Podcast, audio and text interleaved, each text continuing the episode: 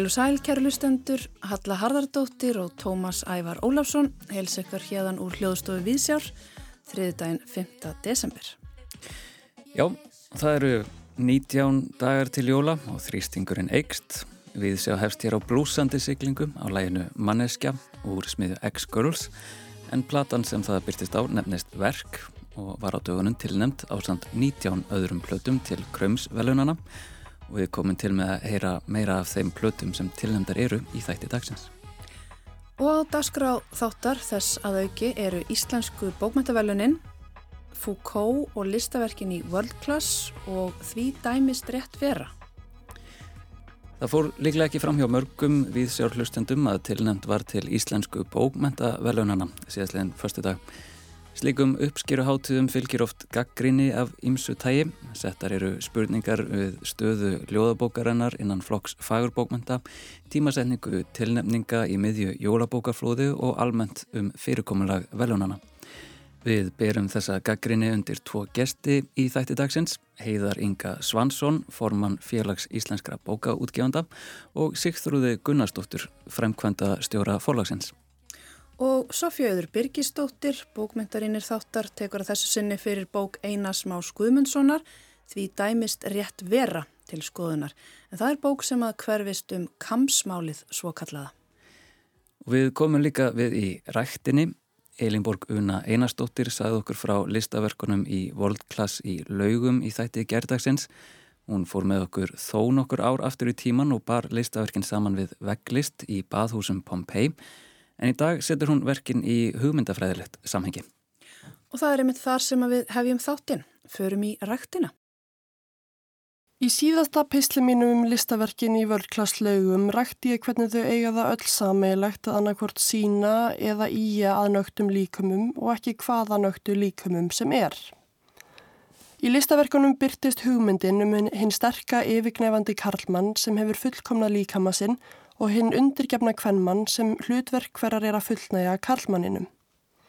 Ég dróða svo fram að reyndar er val eiganda vörklass á klámfenginni list ekkert einstæmi í listasögulegu samhengi en í Rómaveldi til forna voru baðhús greitt með vegmyndum af kynferðislegum aðhöfnum. Áhrifverkan á stöðanum tveimur í baðhúsum Rómverja og í vörklass lögum eru hins vegar mjög ólík en talið er að vegskreitingar baðhúsana hafi veitt rómverjum gleði og ánægu, verið frelsandi. Það samir ekki eftir að segja um listaverkin í laugum en ástæðan bak við þennan mun er markþætt. Til að byrja með er augljósta vegmyndirnar í Rómaveldi til forna sína talsvert meiri fjölbreytileika, bæði þegar það kemur að líkumum og kynferðislegri hæðun en í völdklass. En það hefur ónættilega þau áhrif að fleiri geta spekla sig í og tengt við myndefnið. Það sem hefur hins vegar ennfrekari áhrif á ger ólíkan lestur á verkunum er svo staðreind að þau eru búin til og þeim stilt upp í ger ólíkum samfélögum. Rómaveldi til forna á Íslenskt samfélag 21. aldar eru æði ólíka mörgu leiti en einn helsta breytan sem við kemur þessari umfjöllun er hvernig vald og valdbeiting hefur þróast síðustu aldir.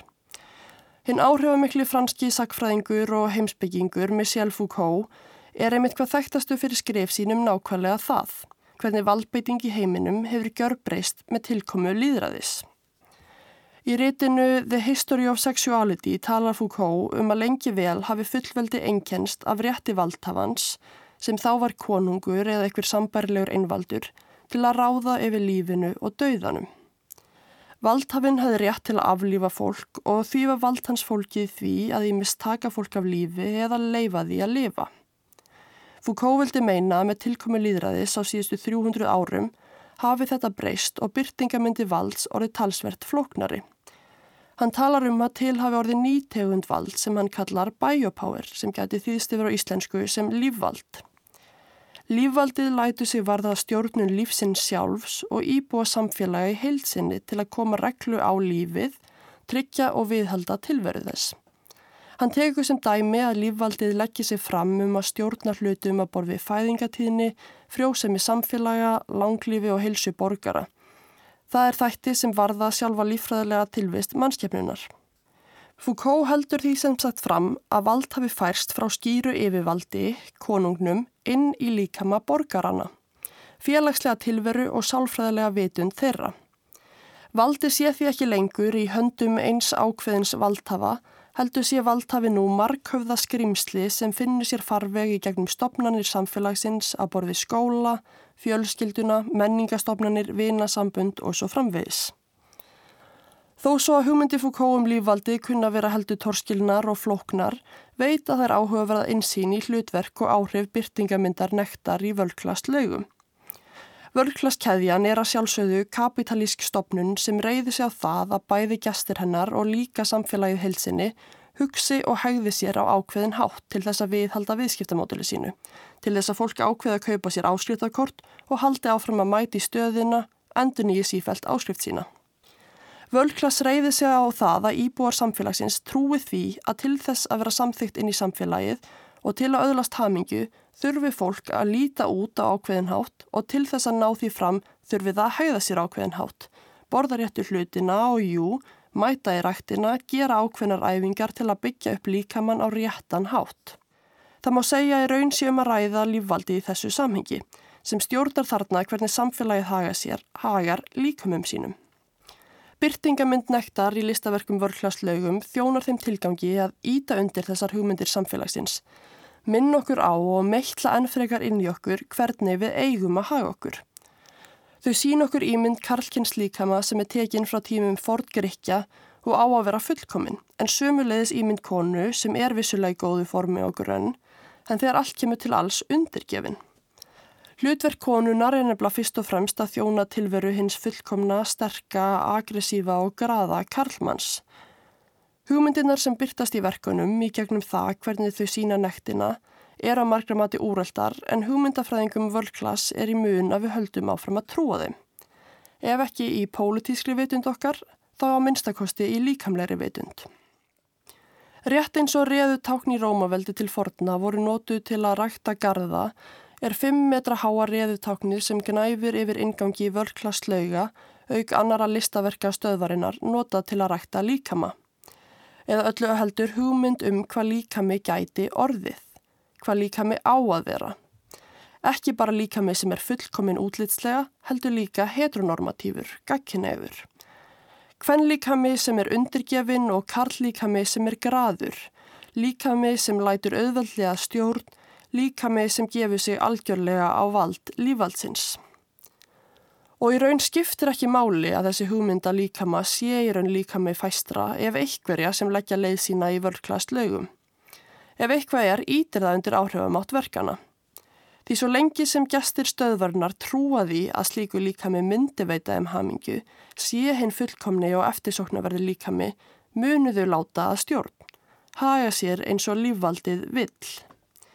Þau munu reyna og mistakast að haga sér eins og þau trúa að hinn fullkomni líkami myndi gera og hata sig fyrir vikið. Þau munu halda áfram að kaupa klárt í völdklass, konu láta eins og þær elski eigimann sinn, uppfylla kynfyrðaslegar fantasíur hans og eignast börn, börn sem kannski munu ná því að vera hamingisum, munu kannski eignast drauma líkamann.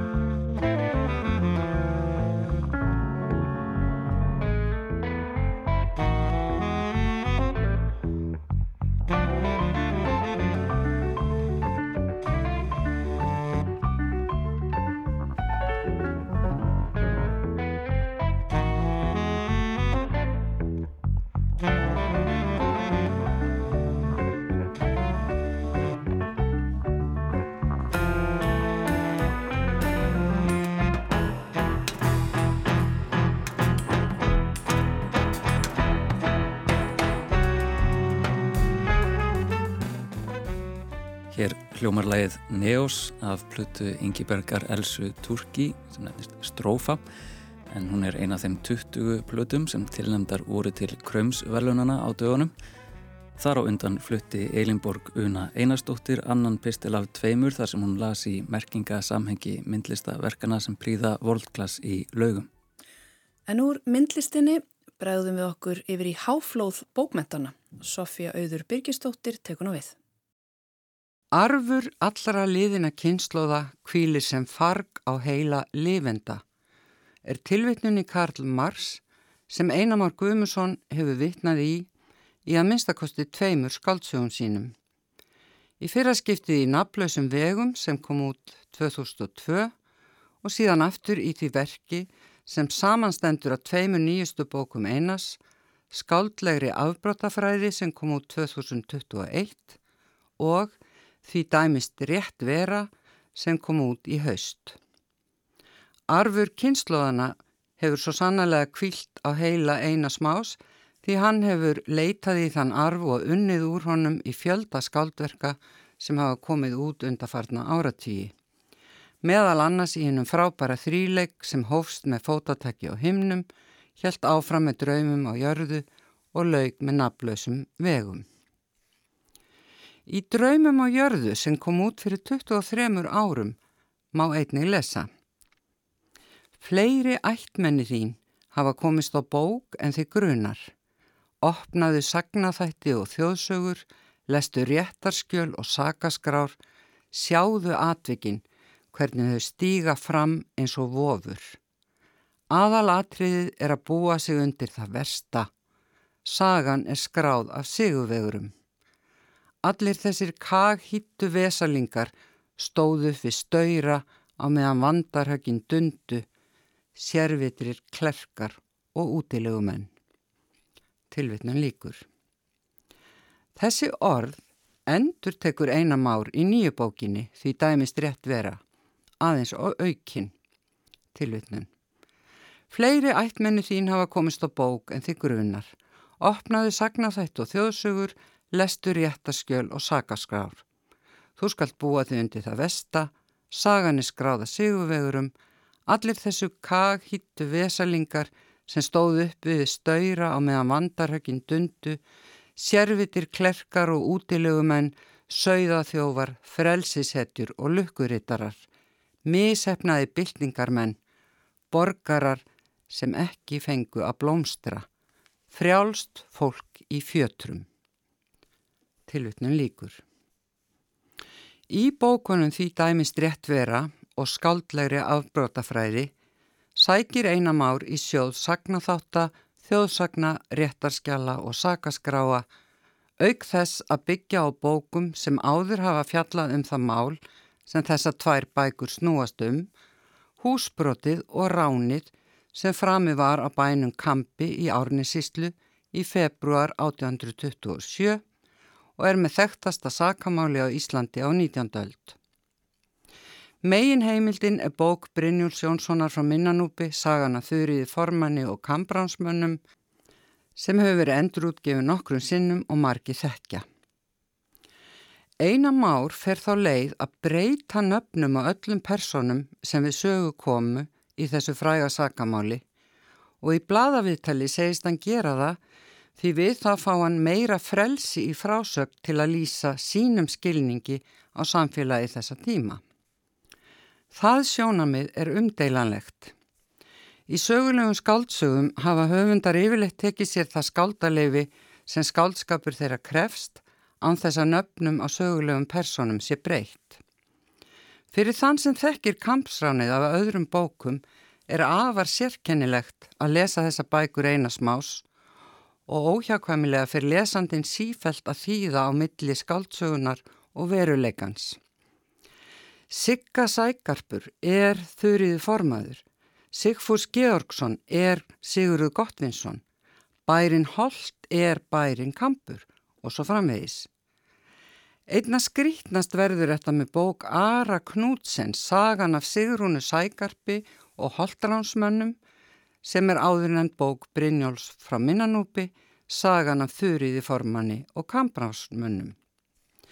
Einni er nokkuð förðulegt að lesa ættrakningar persóna með uppdyktuðu nöfnum forfæðra sem síðan koma ekki meira við sögu. En kannski er ekki rétt að skilgreina þessa bækur eina smá sem sögulega skáldsögur og reyndar er formið á þeim þannig að best fyrir á því að tala um blöndun ólíkra bókmyndagerfa.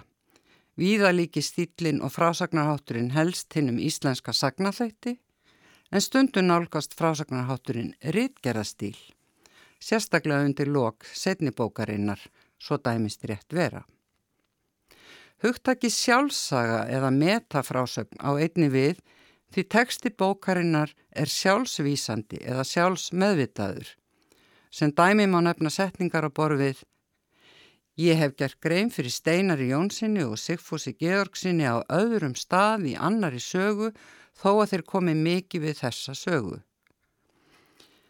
Slíkar vísanir á milli bókana tveggja koma víða fyrir og til að mynda endar svo fyrir á setningunni Nú var að slípa áformin, áformin sem brátt urða að veruleika og við segjum nánar frá í næstu bók fyrir hér líkur þeirri fyrstu.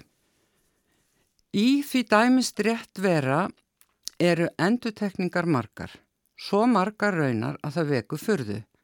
Lesandi fær sömu upplýsingarnar aftur og aftur, ekki bara þannig að upplýsingar sem komu fram í fyrirbókinni séu enduteknar í þeirri setni, heldur einni innan hvorar bókar fyrir sig.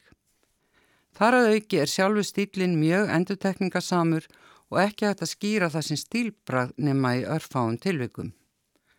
Stundum er endutekningin fullkomlega förðuleg eins og blasið 221 í því það dæmist rétt vera þegar fjallað er um Siggu Sækarp alias Þurriði Forman þá segir tilvittnun Ég hef Nemt bók Ara Knútsen, sagan af Sigrúnu Sækarpi og Holtaránsmönnum sem stundum með köllu sagan af Siggu Sækarpi og Holtaránsmönnum og ég hef nefnt æfisögu sér að Odds Benediktssonar sem er í þremur hlutum.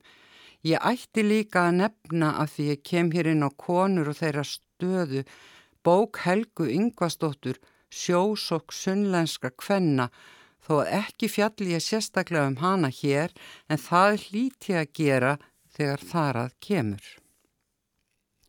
Þetta er undir lok bókarinnar og bókinum Sigrúnu Sækarp og Holtránsmenn hefur verið nefnd óteljandi sinnum áður. Vísum til hinnar bókarinnar sem sögumæður fjallar ekki sérstaklega um hér er skrítin en jáfnvel enn skrítnari er neðamálsgrein frá útgefenda sem vísa til þess að um Helgu Yngvastóttur sé fjallað í þeim þríleik eina smás sem nefndu var hér í byrjun, ekki síst í naflösum vegum. Einamár Guðmusson hefur fyrir löngu sannað að hann kann að nýta sér sagnabrun þjóðarinnar á listrænan og personlegan hátt. En hér bregst honum því miður bóalistinn. Verki sem samastendur af þessum tveimu bókum, skaldleiri afbrótafræði og því dæmist rétt vera, er sundurlaust, mjög endurtekningasamt og fátt í því eigur skilning á því fræga sakamáli sem verki kjarnast um eða á personum þess. Líklega er mest við sjálfa frásagna aðferðina að sakast. Sögum að skoðar heimildir og miðlar þeim á hátt sem ekki er vel uppbyggður og stílinn er flatari en við eigum að venjast hjá þessum höfundi og ekki rætt að segja að fari sér á dýpir í persónusköpum. Því maður halda til haga að það sem virðist liggja höfundi einna helst á hjarta eru hinn bái kjör íslenskar alþýðu í upphafi 19. aldar og óréttlátt skipting auðs, þar sem hinn er fátækur reyndi stundum að bæta kjör sín með greipdeildum og ránum en hinn er ríku og valdamiklu voru miskunalösir og grimmir í refsingum sínum. Að utan báru ströymar upplýsingar og uppreysna sem hefðu áhrif á líðin og trúin á Guð og miskunnsemi hans var á undanhaldi. Einar má reynir að miðla þessu þjóðfélagsástandi og samúð hans likur greinilega með alltíðinni, þessum misefnuðu byltingamönnum, borgurum sem ekki fengu að blómstra, frjálsu fólki í fjötrum. Það var Sofja Auður Birgisdóttir sem að rýndi hér í bók Einasmás Guðmundssonar því dæmist rétt vera, bók sem að hverfist á skaldlegan hátum kampsmálið. Og við ætlum að halda áfram í bókmyndunum hér í Viðsjá og hugað íslensku bókmyndaverðlununum en tilnefningar til þeirra voru kynntar síðastliðin förstu dag En fyrst setjum við enn eina krumsplutuna undir nálina. Hér er það tónlistamæðurinn Eva 808, platan Öðruvísi og lagið Fuglar fljúa.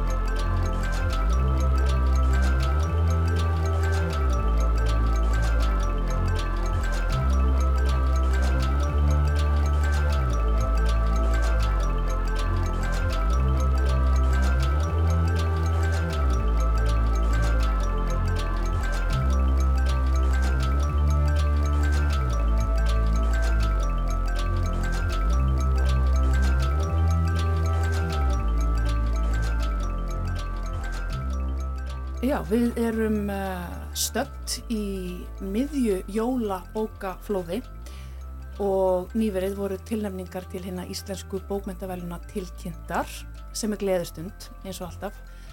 En uh, auðvitað sínist sitt hverjum um tilnæmt verk sem er bara eðlilegt. En uh, það eru svona einhverjar vangaveltur sem að koma oft fram á hverju einasta ári eiginlega.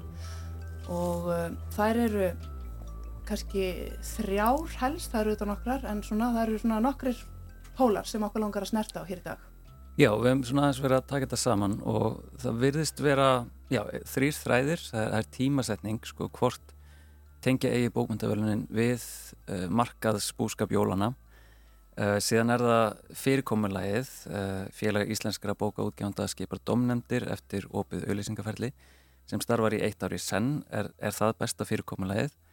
En það sem er kannski mest rætt er bara af hverju fekkir þér ekki tilnefningu. Nei, ég meina að ljóðabækur er í flokki með skáldsögum mm. en rata síður inn í tilhenningar. Og hvað veldi því? Einmitt, og hér eru góðu gæstir til að velta þessu fyrir sér með okkur og kannski svara gaggrinni sem hefur komið upp. Það er Heiðar Ingi Svansson, formaður félags íslenskra bókáttgefanda og Sigþrúður Gunnarsdóttir, framkvæmdastjóri forlagsins. Verðið velkomin. Takk fyrir. Takk. Og við byrjum á kannski ljóðabókunum sem hefur kannski verið efstabögi svona í umræðinni. Eh, þær rata síður inn í tilningar og þær eru í flokki fagur bókmyndam á skáldsögum og smásögnasögnum og örsögum og prósalöðum en uh, alltaf fimm löðabækur fengi Íslensku bókmyndavelunin frá upphafi í þau 35 skipti sem tilnænt hefur verið á velun, velunað. Um, við erum svona að velta fyrir okkur hvað veldur í ár allavega sérstaklega og kannski ef við byrjum á þér Sigþrúður um, þið hjá forlæginu, eru það að senda ljóðabækur alveg til japs við skaldsögur inn í fagurbókaflokkin? Já, við leggjum fram öll skaldverk uh, og það hefur að því er ég best veit verið reglan alla tíð hjá svona stæstu forlægjörunum eða svona þeim sem eru í fæjuna af alvöru að ákveða ekki fyrirfram hvað nefndirnar kynnu að velja úr flóðinu heldur leggja fram það sem kemur út og stundum kemur það útgefendum stórkostlega óvart hvað af þeirra verkum uh, hlýtur náð fyrir augum domnemdana. Uh, ég, á, ég hef verið lengi í þessum bransa og ég mann mörg ár sem að fólk hefur klórað sér í kollinum, já hérna, völdu þau þetta, nú það er gaman, uh, en ekki eitthvað sem að útgefandin hefði kannski frekar búist við. Þannig að ef útgefandin myndi byrja á því að velja Uh, nefndin mun öruglega ekki velja þetta, þetta, þetta. Við skulum endilega leggja þetta, þetta, þetta fyrir nefndina því það mun fallaði henni geð. Þá verður þetta náttúrulega ónýtt velun Hefur ykkur svona fregnir að því hvort um, önnur forlög sé að gera heið sama eða hvort þau sé að velja? Nú, náttúrulega hef ég ekki hugmynd um það en uh, þetta hefur verið svona starfsreglan eftir því sem ég best veit Mm. En nú náttúrulega væntanlega uh, liggur þessi listi hverki fyrir og heiðar yngi er ábyggilega bundin trúnað um það hvað er lagt fram en hver sem er getur náttúrulega talið framlögð verk og, og borið saman við útgefin verk. Það kostar það að leggja fram, uh, maður, það er stáli til meðgjöf með en hún er ekki það há að það ætti að stoppa uh, einirkja eða, eða lítil forlög og það finnst mér skipta máli í þessu ljósi Uh, að við viljum gjarnan að allt flóðið, öll flóran sé til skoðunar og domnefndirnar fái virkilega velja það sem að þeim líst best á.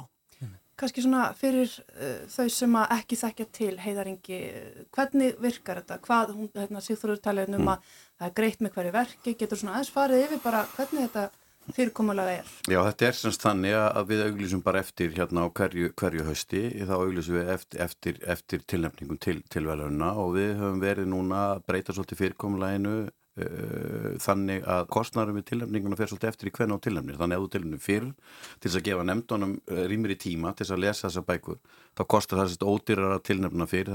Þetta er verðflokkur frá 30.000 og upp í 60.000 þannig að ef þú tilnefnir til, til dæmis í ár var það þannig að þú tilnefnir til 30. september þá voru það 30.000 og svo hækkaða e, fyrir loka oktober upp í 40 og svo að þú tilnefnir setna etna, þá voru það 60.000 það sem ég get fullirt, ég er reyndar að veita ekki, ég, ég er ekki með listi yfir því hvaða bækur voru að laða fram í ár en ég get samt sem að þú sagt almennt sé, er það ekki vandamáli að, að, að, að sé, ljóðabækur sé ekki tilnemdar það er aftur á móti það, og tölfræðin alveg tala sínu máli að það er alveg rétt að í þessum flokki þá er ljóðabækur ekki ekki, og það er alveg sama þó að við séum með aðra nefndir. Það er náttúrulega, nýja nefndir hafa verið undanferðan hverju ári þannig að þetta er ekki bundi við það, það er Ég held nú reyndar, ef ég tala bara um síðustu ára þá er reyndar hefur óvinni mikið gefið út á íslensku skaldverkum og, og, og, og hérna, og ég veit það alveg fyrir vístu auðvitað að hafa ljóðabækur að sjálfsögðu komið til greina hjá, hjá nefndanum en ég get ekki svarað í afhverju því að ég hef ekkert um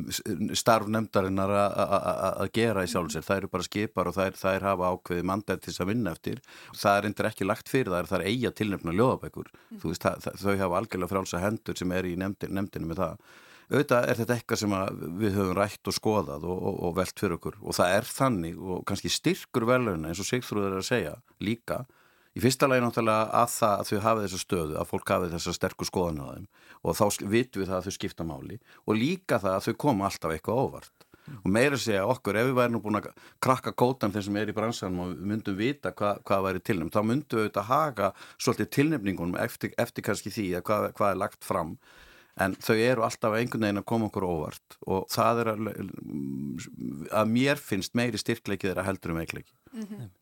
En uh, nú hefur mikið verið rætt uh, undanfarnar daga um að það vandi kannski sérstakann flokk fyrir ljóðabækur, hefur það eitthvað verið til umræðu? Já, það hefur al alveg rætt og skoða en ég held kannski að, að, að það, við erum auðvitað með önnur ljóðabókavelnum, það eru fleiri möguleikar heldur en kannski fyrir, sérstaklega ef, ef, ef, ef er Karl skáltsagnahöfundur þá hann færri möguleika á því að koma staði í velunum heldur en kannski ljóðabókahöfundur, við erum með ljóðastaf Jónsur Vör fyrir nýju og byrt handrið Nei, við erum með hérna, ljóðavelun Tómasar Guðmundssonar, það ekki. Já, og síðan erum við ljóðastaf Jónsur Vör Og, og þar eru peningavelun, þar er, það ekki Kópásbær sem mm -hmm, sem, sem er með þau og svo eru við mæstjórnuna mm -hmm. líka. Sem er reytuðundasambandi. En nú er til dæmis uh, þessi sérstöku glæpasagnavelun sem er blóðdroppin mm -hmm. veitt á sama tíma. Já. Uh, væri það einhver hugmynd að veita til dæmis mæstjórnuna á sama tíma eða ljóða, sérstöku ljóðavelun á sama tíma? Nú er það þannig að þeir sem að ráku í Íslandska gleipasagnarfélag óskaði til samstarfi við okkur og það tók nú alveg nokkuð tíma að finna út af því. Fyrsta hugmyndur okkar var raun og veru bara styrkja þeim og hérna láta þau bara reka velurinu sjálfstætt, ekki taka þau yfir. Mm. Það náðist nú einhvern veginn ekki, fannst ekki flötur af því þannig að endanum þá, þá ákvaði við að gera þetta svona og, og, og, og aftur á móti til dæmis við, við leggjum til e, fjármagn í þýðingavelunin sko samstarfið mæstjórnuna aðra aðalum fyrirkomuna, það er alveg opið og það er alveg möguleiki á því. Eh, en, en, en í þessu tilfellu með, með blóðdrópan þá var það, það frumkvæði glæpasanna félagsins mm. Íslinga glæpafélag sem óskaði þetta samstarfi. Og það kom alveg til greina að það væri með einhverjum öðrum hætti síðan bara niðurstaðan svo að gera þetta svona og, og, og þetta er það er heldur ekki búin að metla það í stein. Við erum búin að gera þetta tvissusunum en hérna við höfum bara að sjá hvort að hérna, opnist einhver aðri möguleikar til dæmis að styrkja maðurstjórnina eða, eða, eða breyta einhver fyrirkomlæginu. Mm. Það verður klárlega, ég get lofa þér fjörum umræðum það hjá stjórnfélagsbók íslenska bókgefanda eftir áramót. En já, við veltum líka fyrir okkur kannski þessu hugtæki sko flokkur fagur bókmenta. Við erum með glæpasöguna sem vissulega gæti líka flokkast sem fagur bókment en síðan erum við með einhvern veginn skaldsöguna, uh, smásöguna og ljóðið og ljóðið virðist, það er svolítið öðruvísi form heldur en skaldsegan þannig að er kannski fagurbókunda hugtækið uh, mætti fara að endur skoða það bara hafa þetta frekar bara skaldsugur og ljóð Ég held að ef maður myndi rína í alla flokkana þá er maður alltaf að bera saman alveg ótrúlega ólíka hluti. Sjáðu flokk hérna, fræðibóka og bóka almenns efnis þar sem þú ert með kannski ó, hérna, orðalösa ljósmyndabók á móti fræðiríti byggt á doktorsritgerð uh, á móti einhverju sem er gert algjörlega fyrir almenning fyrir jáfnveil börn. Uh, er, við erum alltaf með alveg ofubóslega margt og ólíkt Þannig að ég held mögulega og þetta gildir um barnabækurna líka, uh, smábarnabækur upp í ungmennabækur, fræðiverk, hérna. Þannig að það er hver og einn domninn situr alltaf með alveg ofbáslega uh, fjölbreytt og ég held kannski að lausnin sé ekki að búta þetta niður í endalösa flokka að því þá myndur líka verðlaunin rýrna þannig að það yrði einhvern veginn ekkert eftir fyrir þann sem að, sem að hlottnast þau sem er náttúrulega alltaf sko Þannig séð hapdrætti, hver fær svona verlun? Ég man, nú var ég viðstöld mjög margar útskriftir í MH og Örnalfur Tólasís rektor saði alltaf um verlunina þegar varu prjál á tillidögum. Þetta er það náttúrulega í raun og veru. Þetta gæti við veitt íslensku bókmyndaverlunin á hverju ári mjög mörgum ólíkum verkum sem öll skara fram úr að einhverju leiti.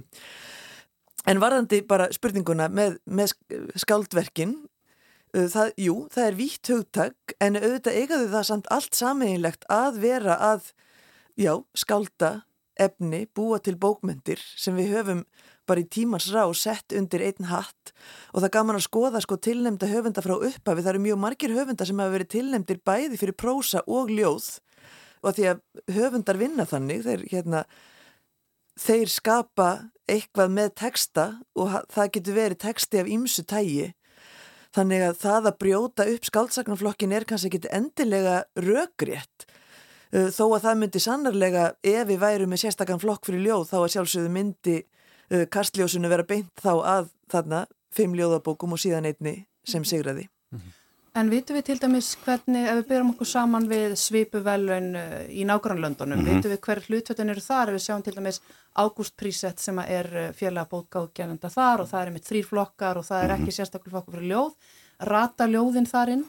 Ég hef ekki skoðað það undir tölfræðilega, það, það er áhugavert en það er alveg rétt, það er svona tvær kannski svona helstu fyrirmyndir að þessum velun, það er annars vegar Ágúst Prísin og hins vegar Braga Prísin í, í, í Nóri, það eru reyndar fjóri flokkar en það er alveg aðtilsvert þar að, að, að þar er badnabókaflokknum skipt í tvo flokka. Þar eru svona sko fræðibækur og bækur almenns eðlis í badnabókaflokki sér flokkur. Mm. þannig að sko báðar þessar fyrirmyndir sem er, sem er ekki einu fyrirmyndinar en, en, en þó menna, það, sem að, það sem að samtök bókútgefenda í Nóri og Svíþjóð reka velun og er, er með gera þetta með svipum hætti. Það eru tilremningagjöld sem eru svipið og okkur þar allavega hafa, hef, hafa útgefundur eh, þessi standa þeim velum ekki sé ástæðu til að skipta þessum, þessum, þessum, þessum flokki upp heldur mm -hmm. skiptu barnabókaflokkinum upp í, í Norriki og það er líka, við höfum skoðað náttúrulega að það hafa líka verið gaggrin á veluna fjöð að, að í, í Norri er þetta 75.000 uh, ef, ef maður rétt hérna, norskar sem eru réttu miljón sem er bara það sama og, og, við og það eru fjóruflokkar í Svíþóð er þetta 100.000 sem eru þá 1,3 ári eða eitthvað svo leiðis mm. og ef við reiknum þetta nú með höfðatölu og með umfangar ekstri félags íslenska bókutgefunda og, og, og ef við berum nú saman við, við norsku útgefundur, við erum nú ekki með oljusjóðun hér til þess að, hérna, til þess að greiða niður hérna, bókmenningu hér á landi, þá held ég að við stöndum okkur bara nokkuð vel.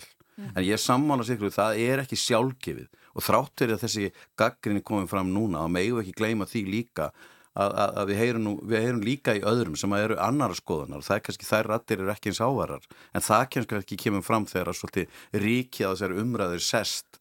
Og, og við höfum það fyrir reglu hjá, hjá, hjá, í stjórn félagsins að, að við tökum við, á hverju ári, þá förum við í gegnum fyrirkomlega, hverju ári þá ræðum við hérna það hvort að ekki mætti betur fara bæði lítilatrið og stærri atriði og við munum gera það en það er, það er alveg ljóst að það fyrir betur á því meðal útgefandi að ræða það þegar að ríkið er sest og, og, og hérna streitu leðvelið að komi aðeins niður sem það er eins og þið sögðu, við erum í miðjum við erum miðji á núna. -hmm. og, og við munum klálega að taka yfirvegaða umræðu um þetta og ná betri eftir, eftir, eftir áramót og nýja ári. En við höfum um þetta tímasetningu velunarna, þau eru hérna alveg í tilnefningarnar þar að segja er alltaf alveg í miðju jólabókaflóði og það er svona búið að tala kannski um svolítið svona markaðslikt uh, í loftinu yfir því að, að, að tilhendingarna séu eins konar auðlýsing uh, í flóðinu. Um, er þetta rétti tíminn til þess að hafa slik velum og vera tilhendna? Sko það voru náttúrulega íslenskir bókaútgefundur sem stopnuðu til velunum á sínum tíma til þess að vekja aðtikli á bókum í þegar bækur eru í mestri umræðu. Þannig að það er engin tilviljun að þetta er akkurat í miðju bóka, jólabókaflóði mm. og, og sko þá sérstaklega náttúrulega kom kannski oppin af íslenskum nýskrifiðum bókum út bara síðustu vikurnar fyrir jól. Það náttúrulega hefur dreifst aðeins núna en eftir sem áður kemur kannski megnið af nýskrifiðum skaldskap til dæmis uh, í þessu svo kallað jólabókaflóði sem við hérna elskum að hata og höftum að elska. Uh, þetta er náttúrulega æðislegu tími þegar að manni finnst einhvern veginn sko umræðan um bækur og bókmyndir sko springa út. Þannig að maður fer ekki svo í klippingu eða fjölskyldubóði í strætu og það sé ekki verið að tala um bækur. En það gerir þetta líka verkum að aðteglinn beinist kannski meira sömum bókum en öðrum. En jólabókaflóðið skiptir ofbáslegu máli fyrir bara íslenskar bókmentir þar að segja hérna, uh, að þær þrýfist fjárhagslega, að þær seljist sem við þurfum öll á að halda bæði útgefundur og höfundar mm. uh, og hérna uh, og við höldum þess í þessa æðislegu hefð að gefa bækur í jólagjafir og lesa nýjar bækur og langa til að lesa nýjar bækur þannig að það náttúrulega er skýringin á því af hverju þetta er þarna og þetta hjálpar til við það. Þetta, þetta vekur aðtegli bæði á tilnemdu bókunum og þetta vekur líka aðtegli á bókavertíðinu sem slíkri. Uh, við sjáum alveg það kemur kippur í sölu á sömar tilnemdu bækunar sem kannski fólk hafði ekki tekið eftir áður og hugsaði með sér já, þetta, þetta er svona gott. Uh, en þetta vekur líka aðtegli á því bara já, núna er bókavertíðin, það er núna sem við eigum að vera að spá í bókum, hérna við verðum að munna að kaupa bækur.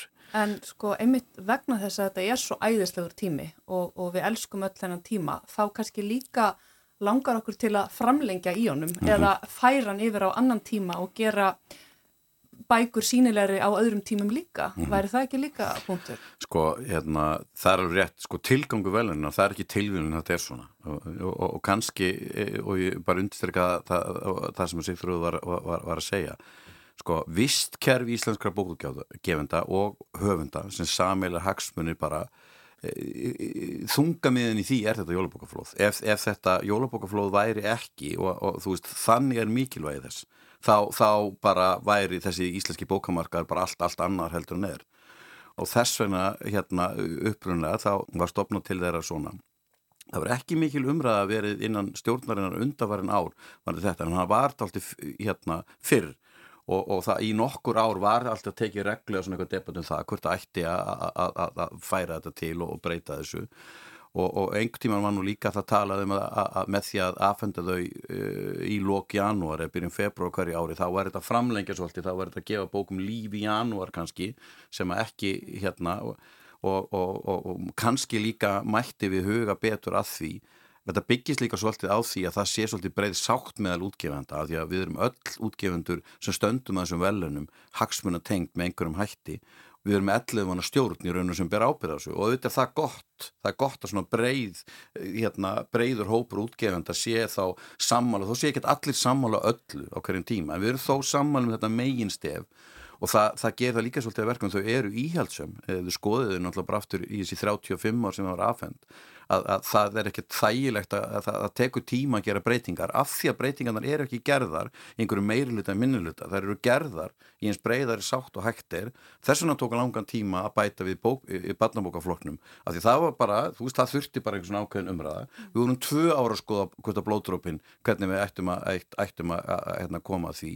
En það er ekki mikil umræðir en það allavega ekki undaferðið og við stjórnar að flytja hérna. Þó ég skilja alveg sjónamið og sé sjálfur auðvitað sakni þess að, að það sé ekki umfjöldun meir umfjöldun um bækur hérna á öðrum mm. ástíma. Mm.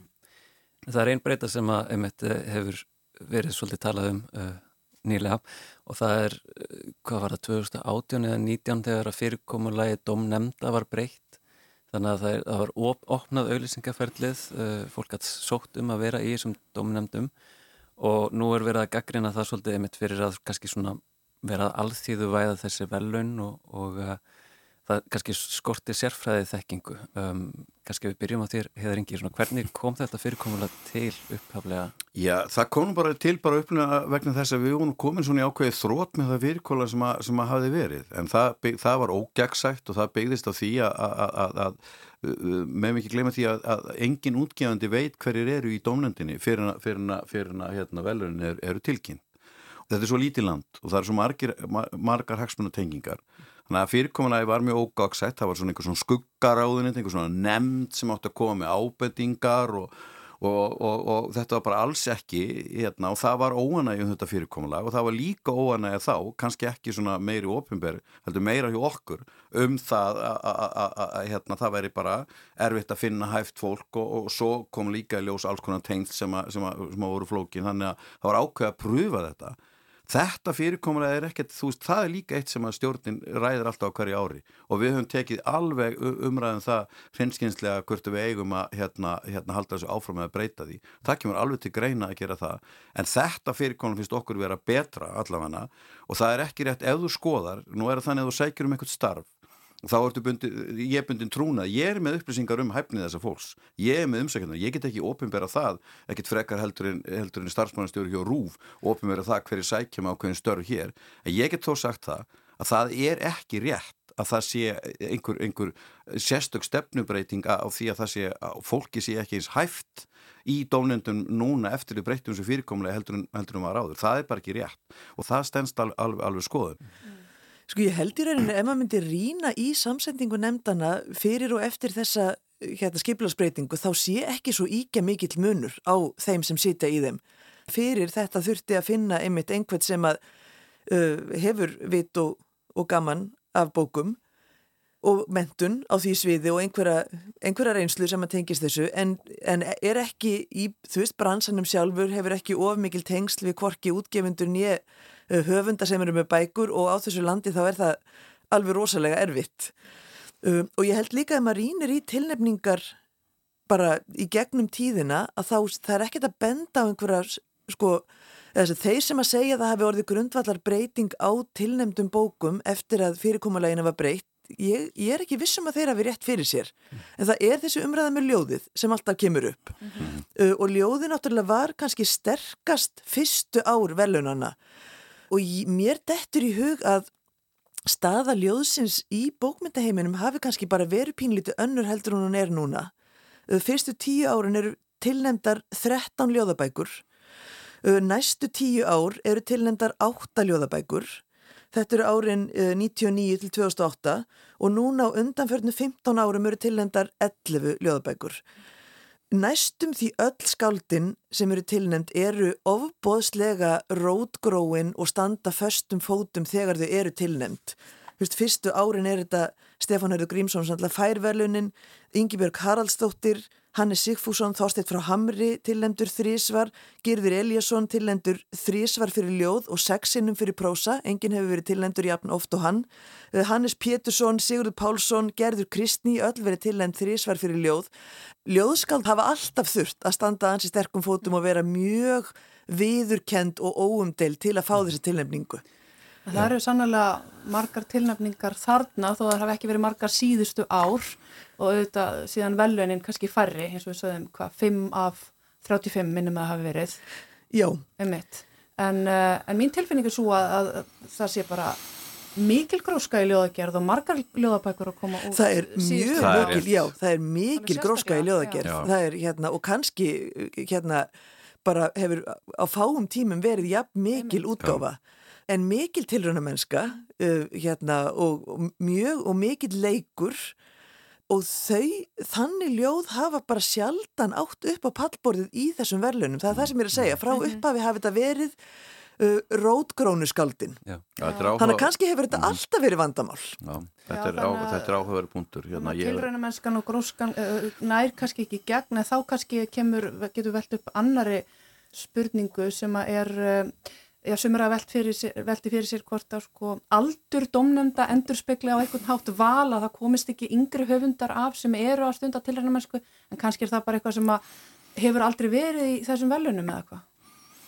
Sko, hann alltaf þarf að gæta auðvitað hérna, einhver leita því og ég veit að það skiptir auðvitað máli, ég meina það er reynd að hafa samsetningu dómlunda en, en auðvitað er við, þú veist þannig við endur spekli, þú veist að það sé einhver aldurspil og, og núna var til dæmis, voru, voru við að tilnefna uh, yngsta höfund sem vorum tilnefndur upp við 17 ára gamla hérna, hérna, stúlku sem var, var tilnefndi velina mm. En, en auðvitað er við náttúrulega líka svolítið að, að, að velja úr þeim mengi hérna, þannig að aldurs samsetningin af því sem við höfum úr að velja þau dónvöndar er, er auðvitað klálega eldri mm. en, en ég veit að, að auðvitað er þetta eitthvað sem við horfum á þegar, þegar, eitthvað sem er hort á þegar við verðum að velja, velja úr þessu mm. En dómnefndin setur þarna þrjár manneskjur hver með sinn smekk og sína reynslu mm -hmm. og það er, og öll, við öll sem hefum tekið þátt í einhvers konar dómnefndastöðurum vitum það, þetta er þetta veldur svo ofbúslega mikið á mjög persónlegum smekk. Það er settu saman þessi fimmbókalisti skáldverka á hverju ári. Það væri hægt að setja saman kannski, ég veit það ekki, fimm svoleiðis lista sem væri samt uh, full boðlegir, mögulega meira mm. Uh, eftir því hvað, hvaða smekk og já, hvaða áherslur dónendar meðlumir hafa. En ég held að heiða hljóti bara að hvetja unga bókmyndafræðinga til að sækja um Já. að vera í nefndunum. Já. Því þetta er náttúrulega virkilega opið, það er opin faðmur þarna Já. og við viljum að þetta endurspegli það sem fólk er að lesa og það sem fólk hrýfst af úr bókaflóðunni. Já, ég sammála því og ég held að það sé líka þá bara ábætti til okkar að, ef við höldum þessu fyrirkomulagi áfram að þá, þá kannski þurfum við að finna kannski einhverju leiði til, til þess að ná til yngra fólks og hvetja það en til, til að segja því það á alveg séns, Þa, það er ekki sko, við erum ekki með mm. kennetölu fylgtera á, á, á hérna á, á aldri þannig, þannig að það fólk á klálega al, al, alveg, alveg, alveg möguleika að koma stað í, í, í, í nefndunum. Ég held að þessi bara fín loka orð því að ákall til yngri, yngri fræðinga og lestrarhesta til að Endilega. sækja um að vera í þessum nefndum og hérna, já, mögulega endur spekla þá einhvers konar um, annan smekk. En uh, Heiðar Ingi Svansson og Sigþróður Gunnarsdóttir, takk innilega fyrir að vera með okkur hérna í dag og bara gleðilegt jólabókaflóð. Já, takk fyrir það sem við leiðis. Viðsjá verður ekki lengri að sinni. Læði sem hér er farið að hljóma nefnist Róm og er úr smiðju Jelinu Sirik af plötu hennar Shelter 2 sem eins og aðrar plötur í þessum þætti var á dögunum tilnæmt til Krömsvelunana. Takk fyrir að hlusta og veriði sæl. Veriði sæl.